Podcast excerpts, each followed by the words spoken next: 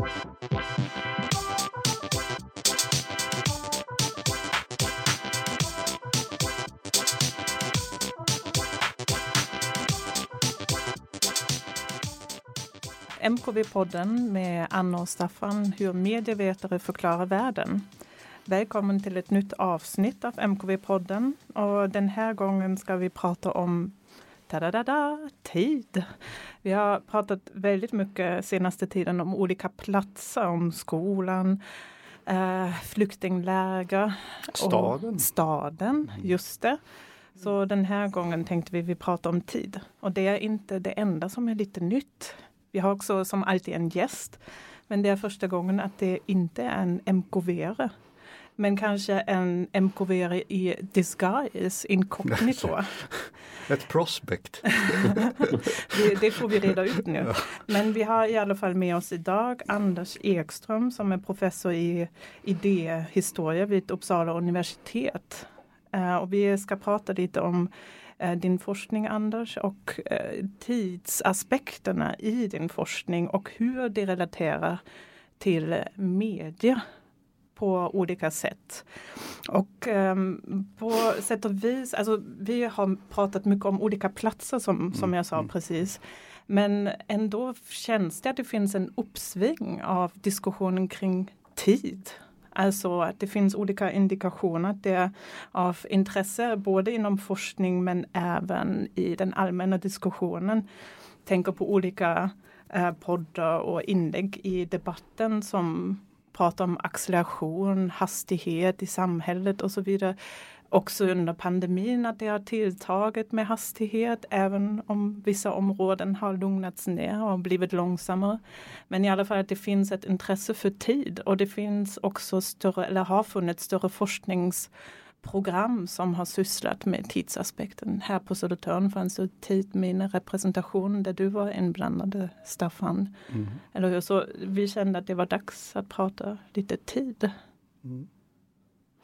Men vi kan väl säga också att du har ju skrivit, eh, eh vi skämtar om din, eh, vad ska jag säga, eh, eh icke-disciplinära tillhörighet. Men du har ju skrivit om media ganska länge. Eh, mm. På olika sätt om världsutställningar. Mm. Kommer jag ihåg. Det var första gången du dök upp, alltså Stockholmsutställningen. Eh, katastrofer. Mm. Alltså både i, i uh, gamla representationer, alltså målningar av vulkanutbrott och så vidare. Men också i, i uh, samtida onlinekulturer. Hur, hur uh, katastrofer skildras där. Och nu skickade du ju, det, ska, det blir roligt att tala om en, en ja det vill fortfarande vara väldigt korrektur då på en ambitiös bok om historiens tid och naturens tid. Mm. Eh, där du flaggar lite för en naturens mediehistoria. Eller man ska säga. Så mm. du har ju funnits i, i, liksom i, i området ganska länge. Mm.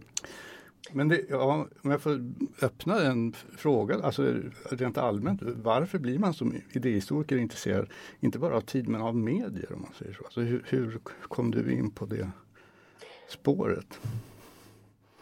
Jag tror att eh, jag som flera andra eh, har ju haft ett intresse av att liksom sträcka ut mediebegreppet som går ganska långt tillbaka.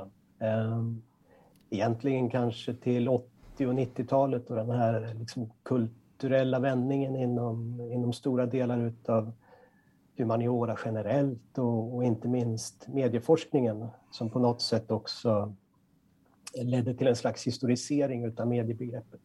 Också som en eh, kanske eh, reflex av ett sätt att hantera de nya medierna kring 2000 ungefär. Eh, det blev ju startpunkten till en, en ny mediehistorisk forskning som inte alls bara handlade om massmedierna utan mm. om medier som, ja nu är vi ju nere i förhistorien, eller ja, vi är väldigt, väldigt långt tillbaka, det förflutna mm. i den mediehistoriska forskningen. Det ska bli spännande att se hur långt bak vi, vi mm. kommer.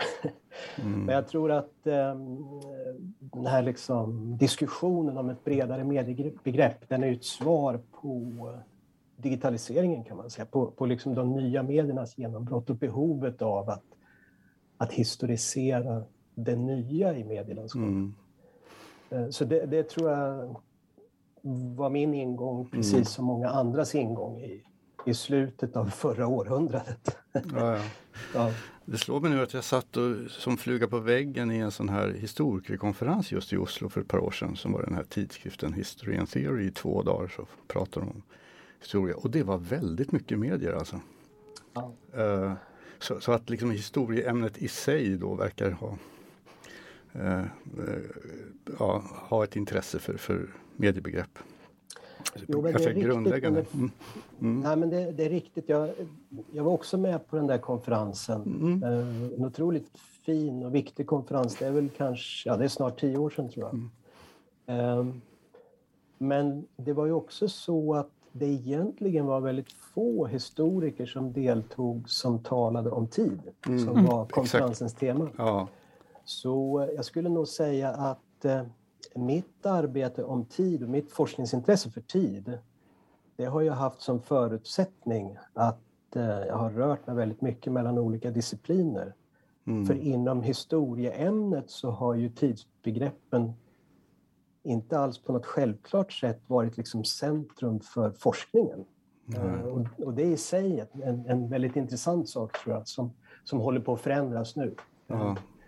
Vi håller ju på att återupptäcka mångtidsligheten också mm. inom ja. historiedisciplinen och, och, mm. läser om Reinhard Koselleck och Fernand mm. Brodell och den typ av teoretiker under 1900-talet som, som på något vis öppnade tiden som ett historieteoretiskt problem. Eh, inte bara registrerade tiden som en kronologi eller som en slags ordnande struktur i den historiska forskningen. Eh, så det, ja, det är väl också någonting som, som kan vara intressant att, att, att tala om idag, tänker jag. Mm. Mm. Och en aspekt som är ju också viktigt, är, eller spännande med din forskning, det är du verkligen tänjer på mediebegreppet och jobbar med mediebegreppet och inte medierna rent som material för att undersöka tid, men att det är verkligen en sån integrerat eh, relation eh, de har i, i, din forskning. Men kan du inte berätta lite om um, ditt aktuellt arbete med tid, kring tid och media. Vad du har tittat på och vad du har kommit fram till. Ja, um, jag upplever nog lite grann att jag är i slutet utav ett projekt som började för ungefär tio år sedan. um, som på ett sätt kopplar an, knyter an till den här mediehistoriska forskningen som, som jag har varit engagerad i men som handlar då mer specifikt om en slags återkomst för tidsdimensionen eh, inom väldigt mycket olika typer utav, av forskning. Um, nu nämnde ni att ni hade gjort tidigare podd, poddar om rumslighet och mm. platser och så. Och det fanns ju under en lång tid ett väldigt starkt fokus på, på uh, rumslighet, uh, materialitet, uh, som naturligtvis fortfarande är liksom väldigt centrala kategorier. Men på något sätt så tror jag att, eh, att eh, vi är på väg att liksom återupptäcka tiden och tidsdimensionen och, och, och mångtidsligheten och tidens liksom eh, komplexitet. Mm. Och för mig började det där nog väldigt mycket i ett intresse för de här diskussionerna för ett tiotal år sedan som handlade om Ehm, katastrofer, katastrofisering, eh, en slags känsla utav att ehm, eh, samhället och samhällsteorin alltmer satte fokus på en slags eh, nödlägen i politiken, i, i, i de globala relationerna och, och allt det där. Ehm, men samtidigt så är det ju först efter vägen under de här tio åren som vi på något sätt har förstått vad som var den verkliga anledningen till återupptäckten av tiden. Nämligen att, eh, om jag ska uttrycka det lite drastiskt, naturen kom tillbaka in genom fönstret mm. med klimatfrågan och klimatkrisen. Och, och eh, när vi spelar in det här programmet så är det ju faktiskt eh, slutförhandlingar samtidigt i Glasgow i, i klimatmötet. Och jag tror att vårt intresse för tid och temporalitet så som det har utvecklats under det sista decenniet, det kan inte skiljas ifrån klimatfrågans liksom, inträde i det allmänna medvetandet. I, i liksom offentlig debatt, i forskning, i vårt sätt att erfara världen, Mm. Och klimatfrågan handlar väldigt, väldigt mm. mycket om historiska relationer. Mm. Det, det, här skriver om i den här artikeln som, eh, eh, som du skickade till oss då. Eh, Ja, för det blir något väldigt intressant med de här tidsskalorna. Den ena hand är den mest långsamma av alla, liksom geologi i stort sett.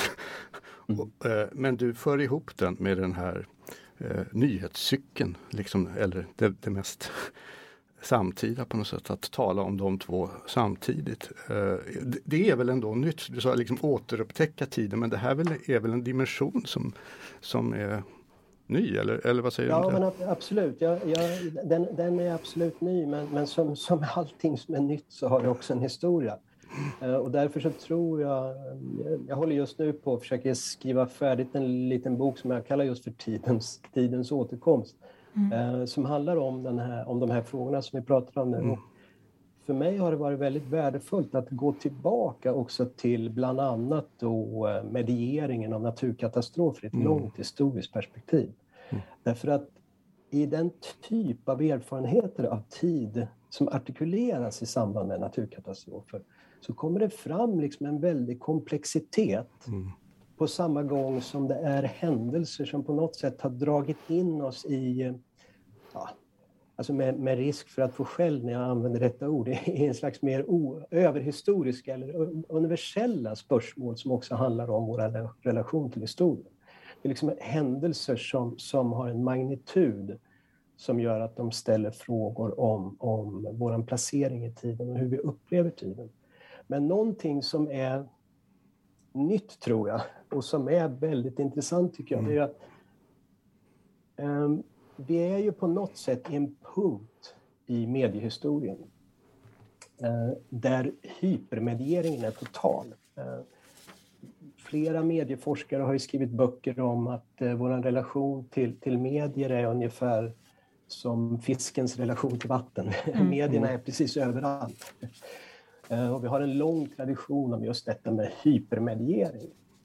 Men samtidigt så befinner vi oss i en situation där vi i allt större utsträckning vänder oss till naturen igen som mm. ett slags medium för vad som händer i samhället.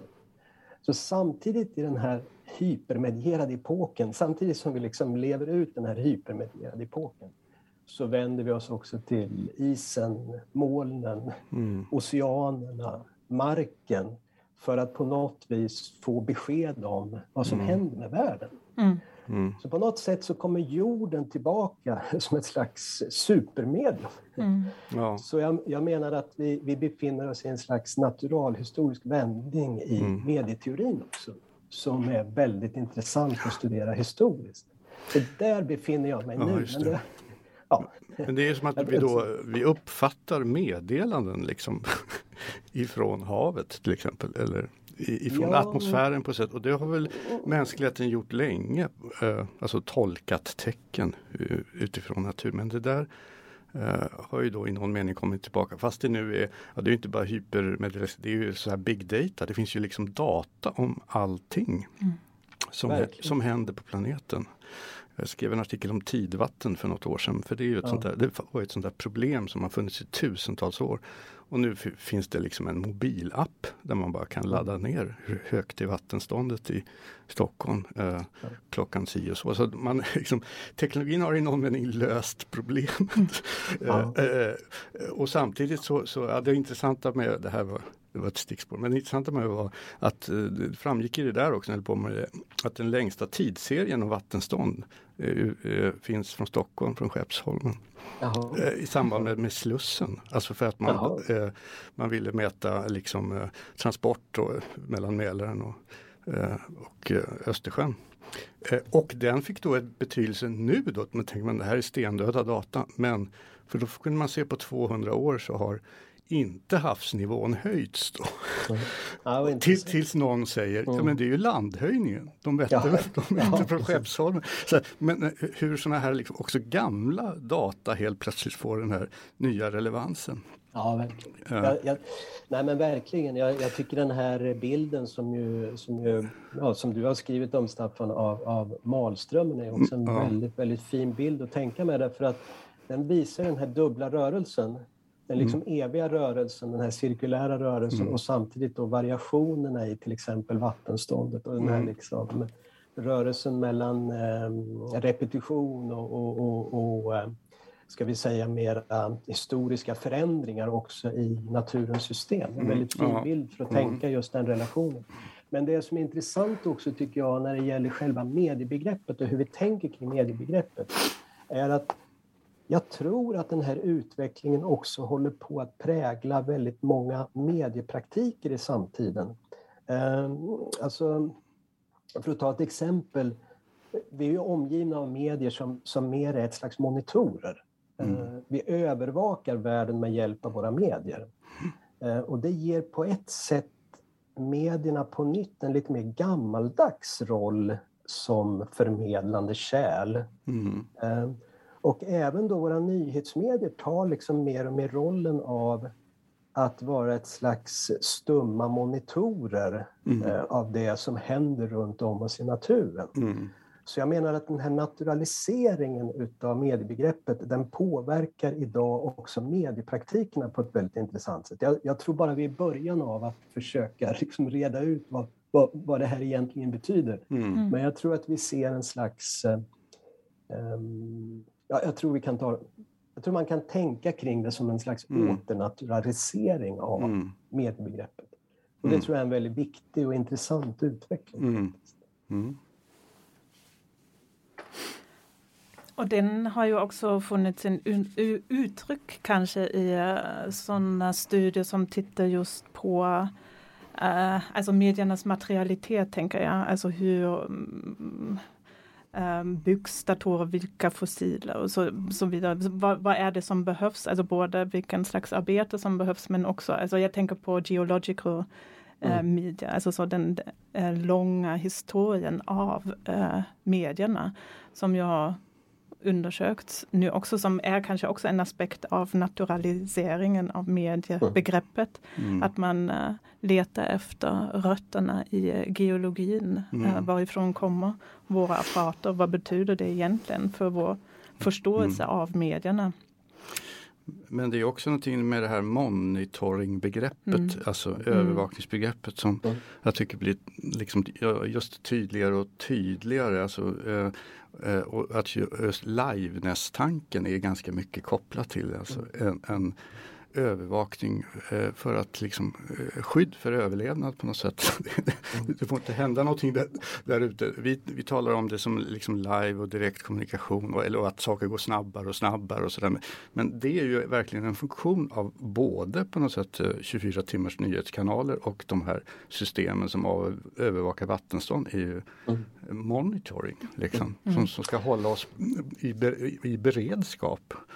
Uh, jag tror att det händer något spännande också med... Eh, eh, ja, jag gillar att tänka på det som, som kulturens rytmer, alltså mm. de temporala rytmerna i, i, i samhället. Därför att eh, eh, jag tror att vi ofta tänker oss att, att monitorkulturen är ett svar på samhällets snabbhet, på mm. farten i samhället. Mm. vi behöver liksom övervaka samhället mm. för att förstå vad som händer. Men det som händer idag är lika mycket det motsatta. Därför att monitorkulturen riktas ut mot det som vi förut tänkte på som de mest långsamma processerna. Just det, just Till exempel de geologiska processerna. Mm, mm. Så att nu följer vi i realtid erosion mm. i norska fjäll till exempel. Mm. Mm. Det är NRK som producerar den typen av uh, livestreaming och, och, och mm. slags monitor i väntan på att något dramatiskt ska hända att mm. en stor bergssida ska mm. lossna och falla ner i dalen eller någonting sådant. Mm. Eh, så på något sätt så har vi accepterat att också det mest långsamma geologiska utvecklas i en slags um, kulturellt live. Uh, ja. som, också, som också då betyder att det är naturen som accelererar. Ja, just det. Eh, lika mycket som samhället. Vi förväntar oss redan att naturen går väldigt, väldigt fort. Det kan hända väldigt, väldigt dramatiskt. Så, ja. så monitorkulturen har på ett sätt liksom redan anpassat sig eh, efter den här tanken om att eh, naturen utvecklas och accelererar lite fortare medan samhället tenderar att liksom fastna och gå in i väggen och, och liksom inte komma vidare utan bara okay. på något vis stå på repeat. Ja, just det. Så rytmerna mellan natur och samhälle, temporalitet, de temporala rytmerna, mm. de håller på att kastas om. Okej. Okay. Mm. Eh, så som jag tänker. Ja, men det, är, men det kan ju också vara för att monitorkulturen liksom kräver att det händer något, höll jag på att säga. Mm. jag, jag, jag, kommer ihåg en sån här, när jag, jag skrev om kalla kriget, så sån här Eh, övervakningssystem helt enkelt för kärnvapenkrig där de satt nere i bunkrar och tittade på skärmar. Och, och det här mm. liksom var ju en dramatisk laddad tid eh, på alla sätt. Och så var det en lång intervju med en person som hade suttit och tittat på den där skärmen i tio år. Det var det tråkigaste han någonsin mm. hade gjort. Liksom. Det hände absolut ingenting. Och sen en dag kommer meddelandet kalla kriget är slut, nu kan, nu kan du gå hem. Mm. uh, uh, ja, nej men det, det, det... Men, men, men det, fin det finns en skillnad tror jag om man ser det lite grann över tid. Ehm, jag har, då jag har gjort en del empirisk forskning eh, kring eh, hur nyhetsmedier online ehm, publicerar material om, om naturkatastrofer mm. väderolyckor.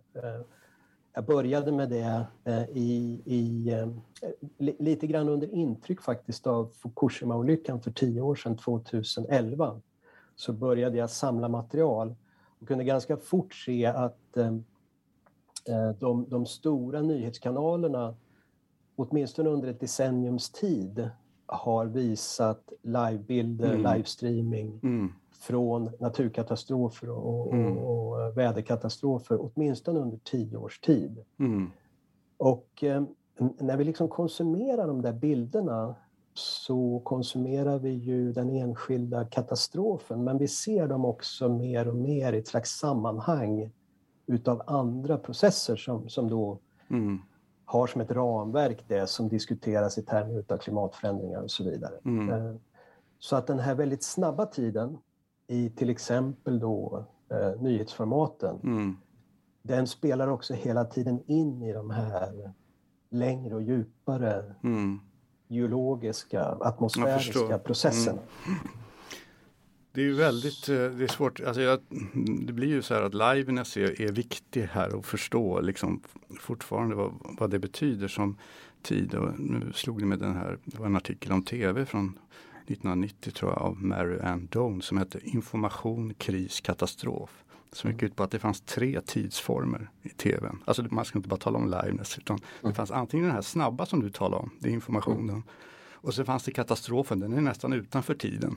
Liksom, det är den vi övervakar. Men då, då tar tiden slut. Challenger-olyckan var hennes, mm. de där bilderna. Men sen fanns det då krisen. Mm. Som vi, vi kallar det för klimatkris, som är en mer så komprimerad tidsform. Som, där det finns mänsklig agens inblandad. Vilket inte behöver riktigt göra i tid som bara rinner på. Mm. Eller katastrof som tar slut på tiden. Uh, ja, och det är ju någonting med den här klimatkrisen att det, den är både naturlig så att säga ut, utanför mm. oss. Men eh, frågan är i vilken mån våra mänskliga agens mm. är in, inblandade. Här. Men det är också intressant att tänka på, så här analyserade en person live-tv 1990. Mm. Och eh, de tre formerna mm. kan låt, lät rätt likt det du just sa. Mm. Liksom, eh, eh man måste, Nej, jag, mm.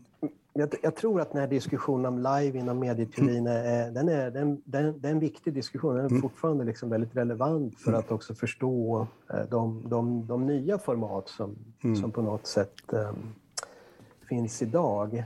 Men, men, eh, det var också en diskussion som inte riktigt Eh, diskuterade eh, komplexiteten i Nej. de temporaliteter som Absolut. finns i, i live, liveformat.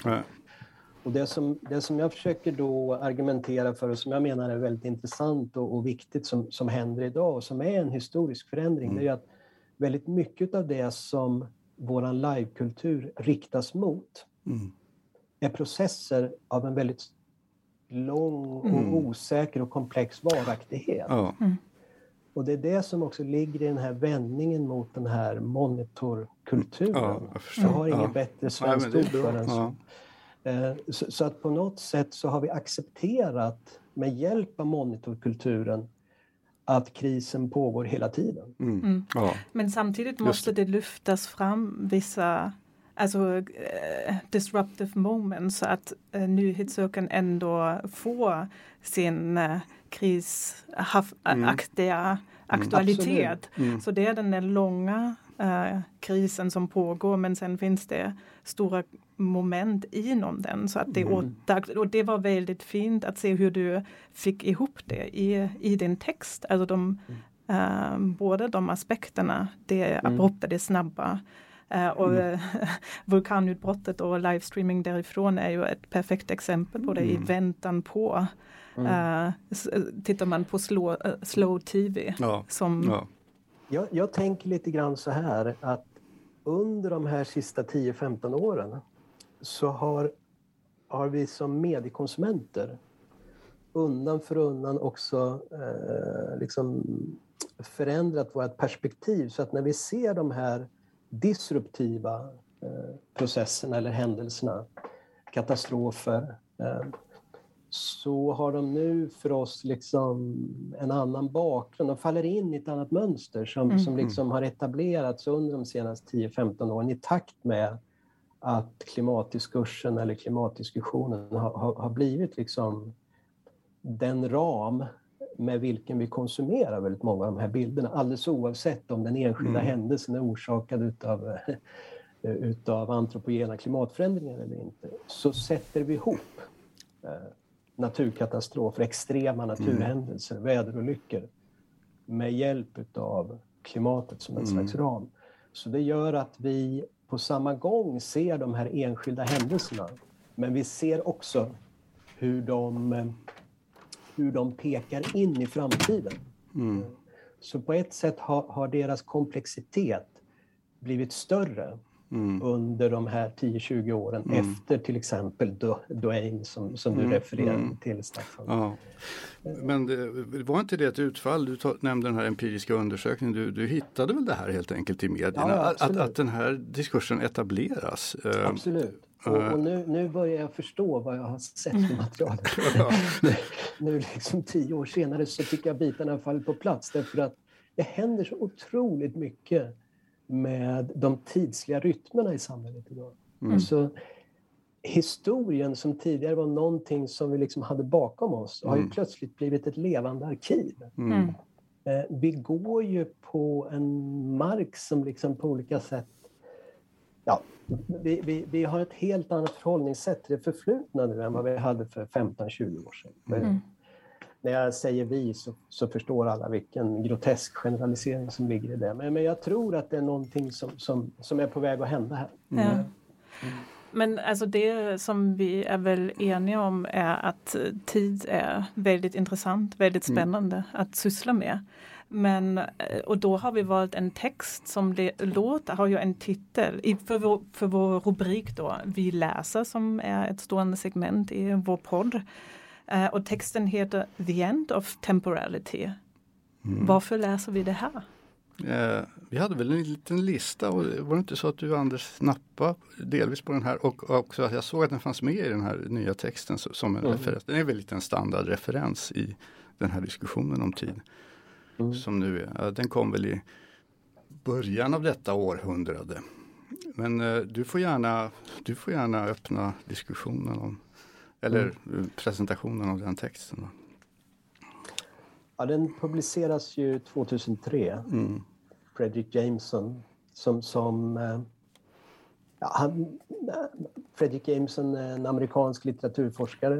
Eh, han eh, är ju en av dem som, som liksom förknippas väldigt mycket med diskussionen om, om det postmoderna från ett slags estetisk utgångspunkt. Han är ju väldigt mycket litteraturvetare, Jameson. Ehm, och också en, eh, en marxistisk litteraturvetare. Så han, han, han skriver väldigt mycket om eh, senkapitalismen. Ehm, och eh, anledningen till att jag tyckte det kunde vara intressant att diskutera den här texten i, i det här sammanhanget och, och med er, det är ju att det är så mycket som inte finns med i den här texten. Mm. Eh, det som finns här är ju ett väldigt, väldigt stort tema. Och den här idén om att moderniteten driver in oss i en slags fixering vid samtiden, alltså mm. det som har kallats för presentismen. Mm. Hos Jameson tror jag den viktigaste uh, frasen är the, re the reduction uh, to the present, eller någonting sånt. Mm. Att kulturen driver oss på olika sätt in i en fixering vid nuet.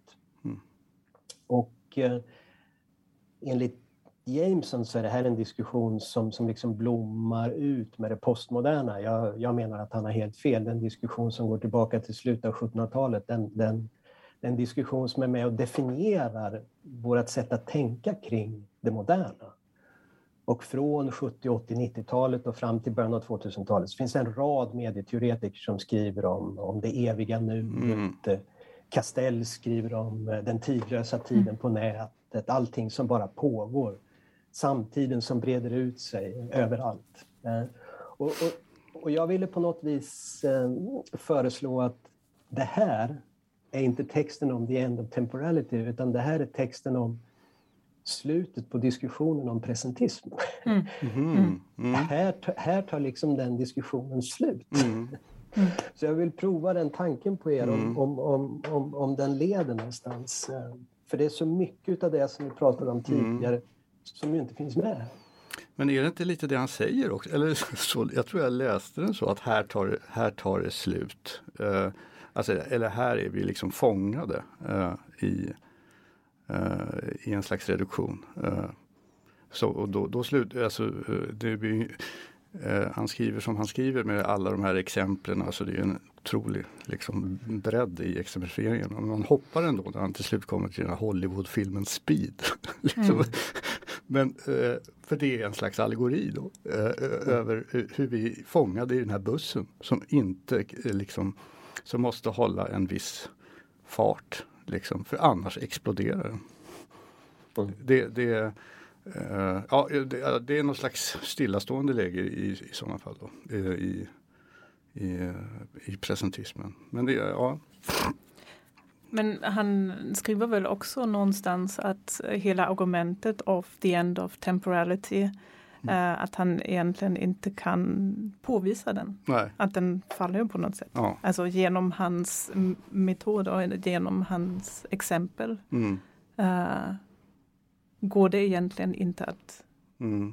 bevisa. Jag vet inte om det är samma sak som Anders vill komma åt, att det är the end of presentism. Att vi rör oss i en period där det handlar om olika temporaliteter, om samtidighet. Ja, han olika... öppnar ju inte det särskilt Nej. mycket då i sin egen diskussion. Alltså det här multipla tider, det är inte den vägen han tar. Eh, jag läste det ganska mycket som en sån där, alltså det är en eh, fortsättning på idén om historiens försvagning. Liksom, mm. Som ju finns i de här postmodernismartiklarna. Där handlar det mycket om nostalgi och sånt. Liksom. Mm. Alltså hur, jo, det finns historia men det är liksom second hand version. Eh, och det är det vi kommer att leva med. Det var ju ganska tidigt då när han skrev dem 83 84. En ganska tidig iakttagelse om, en slags, om den här minneskulturen och nostalgin. Det här kommer att hända i det postmoderna. För att historien försvagas. Mm. Och det här är ju också, presentismen är ju också en slags försvagning av någon version av historia som han då eh, i någon mening försöker kämpa emot också får man ju säga eftersom eh, det är ju intressant att höra med dig som historiker för något han gör som många postmodernister inte gör är att han periodiserar. Alltså. Han drar ju mm. upp epoker mm. Uh, och säger att vi, levde en gång i den här tiden. Och då kan man förstås som du säger, ja men det fanns ju exempel på det där redan tidigare. Mm. Men han, det där ger han inte upp. Liksom.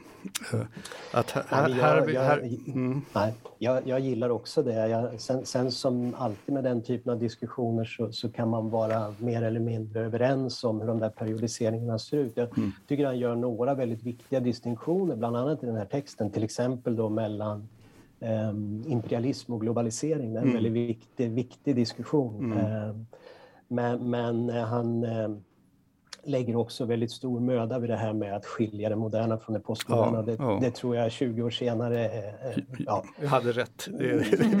jag, jag, tror att den där diskussionen eh, var inte så väldigt eh, givande eh, som periodisering. Nej. Men det är lite grann en, en, en annan sak. Alltså, det som fascinerar mig eh, det är som du Anne var inne på också, att det är mer det här, det här är liksom the end of the presentism diskussion, mm. alltså mm. slutet på den diskussionen. Därför att precis samtidigt som den här texten kommer ut så börjar liksom den här återupptäckten utav mångtidsligheten, mm. utav den här otroligt eh, ja, vad ska vi säga, både breda, djupgående, öppna, prövande diskussionen om just det temporala, om alla de tidsligheter som liksom väller in i samhället mm. och som så småningom då får en slags form genom eh, klimatfrågan mm. när den artikuleras på ett tydligt sätt. Mm.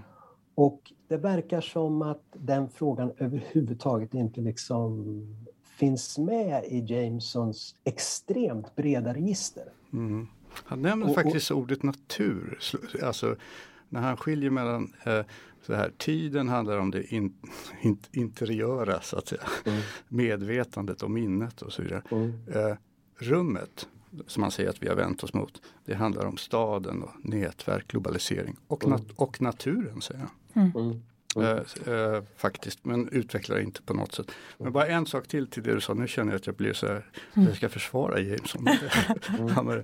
jag hade honom som lärare ett år så att jag, jag liksom fick mm. mycket sådana intryck från eh, eller hur, hur, han tänkte. Och en sak, som, en sån här käpphäst som också liksom fladdrar förbi här, det är ju att han säger att det här är en väldigt ojämn process, alltså den här utvecklingen av olika, det, det händer olika i olika delar av världen, i olika samhällsgrupper och sådär.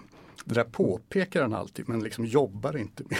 Mm. uh, utan det, det, man kommer ihåg i de här stora periodiseringarna, mm. epokskiftena. Men, men uh, uh, ja, men han flaggar alltid för att vi måste liksom tänka på det här, alltså det, det ojämna i processen. Att om man mm. lever någonstans i, i uh, Västeuropa på, i högmodernistens tid så har man en uppfattning om tid som inte på något sätt liknar den som bor ute på landsbygden. Och mm. sådana saker. Uh, ja, nej men det, mm. det, det, är intressant att se för att uh, det var länge sedan jag läste men hur, det är mycket konstanta saker. Alltså det här mm. historisera alltid, dra upp perioder, dialektiken. För mm. det är mm. också det här när han till slut säger okej okay, jag ville demonstrera uh, tidens reduktion till presentimism. Men det har kommit fram till att den inte låter sig demonstreras. Det, han är mm. väldigt nöjd med den slutsatsen, det här liksom motsatsernas eh, spel då eh, på något mm. sätt. Och sen att det ytterst är social, eller ekonomiska, materiella, sociala saker som, som alltid styr det här. Kapitalismen som du, sa, som du sa i början. Så där skulle man mycket väl kunna göra en koppling till, till naturen och, och jorden och klimatkrisen och det antropocena. Antar jag. Mm. Mm. En, en, annan sak som är intressant i den här texten eh, tycker jag det är ju att den, en bra påminnelse om hur, hur kort den nya mediehistorien är. Mm. Alltså när, när, Jameson skriver den här texten för, för 20 år sedan får man tänka sig om det tog ett par år innan den publicerades. Mm.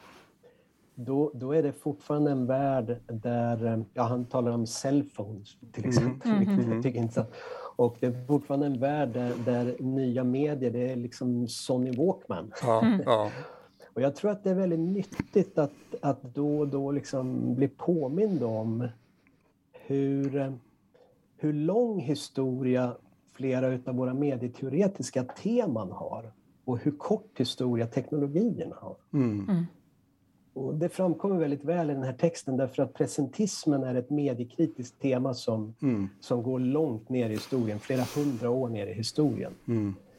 Mm. Eh, men teknologierna som får belysa de här temana, mm. de är ofta väldigt eh, juvenila. De, mm. de, de, de, är gadgets mm. på något sätt. Och, och, den där spänningen, jag, jag, tycker det är bara som en mm. iakttagelse liksom mm. fascinerande. Det där är ju också, om vi ska tänka lite på vårt ämne, MKV, så är ju, för där kan man ju, eh, vi frågade varför ska en historiker intressera sig för medier? Man kan också fråga sig varför ska en medieforskare intressera sig för historia och tid? Så att säga. Och nu mm. finns det, har det funnits vissa tecken och så. Men i stort sett så har det ju varit ett, en väldigt liksom ämnets USP, som det heter, selling point, är ju att det handlar om förändring av samhället. Ja, så att medieämnet är väldigt så här, liksom, på nästan modernistiskt snarare än presentimistiskt inriktat på utveckling mm. samhällelig förändring. Och, och, då får man de här liksom punkterna som eh, mobiltelefonen, datorn. Och, och, i samma ögonblick kan man glömma allt som hände. Mm. Alltså det, det, är en ganska ändå vanlig logik i vårt ämne. Därför är det bra att det mm. finns sådana som du som påminner om sådana här saker. För Det är verkligen ganska det, ofta det som händer. Alltså det här begreppet medialisering till exempel som ju har varit ett huvudbegrepp mm. som skulle stärka historiska visionen. Men där, de som har tittat över det ser ju, ja det här historiska perspektivet det är ju ungefär tio år. Mm. Mm. Och nu är det mm. inte längre medialisering, nu Nej. är det ju datafiering. Ja, just, ja. Så, mm. så, så där, ja, där, där, finns det ju skäl för oss liksom mm. att ännu mer eh, som ämne tänka i de banorna du, du påminner om. Dem. Mm. Mm. Men uh, jag, jag, tycker att vi, det är väl en väldigt intressant uh, slutpunkt, tänk, mm. tänker jag, som är en början också. Mm. Alltså att just den här spänning av multipla temporaliteter och det är också bra att det finns uh, saker som Jameson inte tar upp som, mm. som andra kan jobba vidare med. Eh, men Anders, vi avslutar alltid vår diskussion med våra gäster med en fråga. Om du skulle välja en låt som representerar det vi har pratat om idag, vad skulle det vara? Oj. Um, nu under de sista tio åren har jag varit på olika konferenser och seminarier om tid och temporalitet. Då, då då återkommer ju en låt som jag inte ska välja då, mm. precis den anledningen. Mm. Jag tror nästan ni kan gissa vilken låt det är. Uh, nej, men nej. jag tänker naturligtvis på Bob Dylans The Times They Are Changing. Uh, och uh, den passar väldigt bra när man pratar om temporalitet. Men, men jag vill egentligen bara uppmana, läs texten. Det är en väldigt fin, fin text. Det är inte alltid man lyssnar på texten. Mm. Eh, men, men eh, låt mig välja någonting annat. Ehm, ehm, det finns en slags 80-tals 80 eh, renässans. Det, det, mm. 80-talet kommer tillbaka i musiken har jag märkt. Så varför inte varför inte Midnight Oil? Kommer ni ihåg Midnight Oil? Ja, jag tror det. mitten av 80-talet. Ja. Eh, de gjorde ju en eh, låt som hette eh, Beds Are Burning. Det är väl 80-talets mest fossilkritiska rockband tror jag. Och de har fått en ny karriär idag i Australien just tror jag, bland annat med den här låten kom nog på ett album som också har något olje, något med olja i titeln. Di, di, nej, Diesel and Dust tror jag. Mm. Mm. Mm. Diesel and Dust mm. från mitten av 80-talet. Mm. Så Beds Are Burning med Midnight Oil får det bli i så fall. Ja, då spelar vi den. Då spelar vi den. Ja. Tack så mycket för idag, Anders. Tack. Ja, tack. Tack ska ni ha.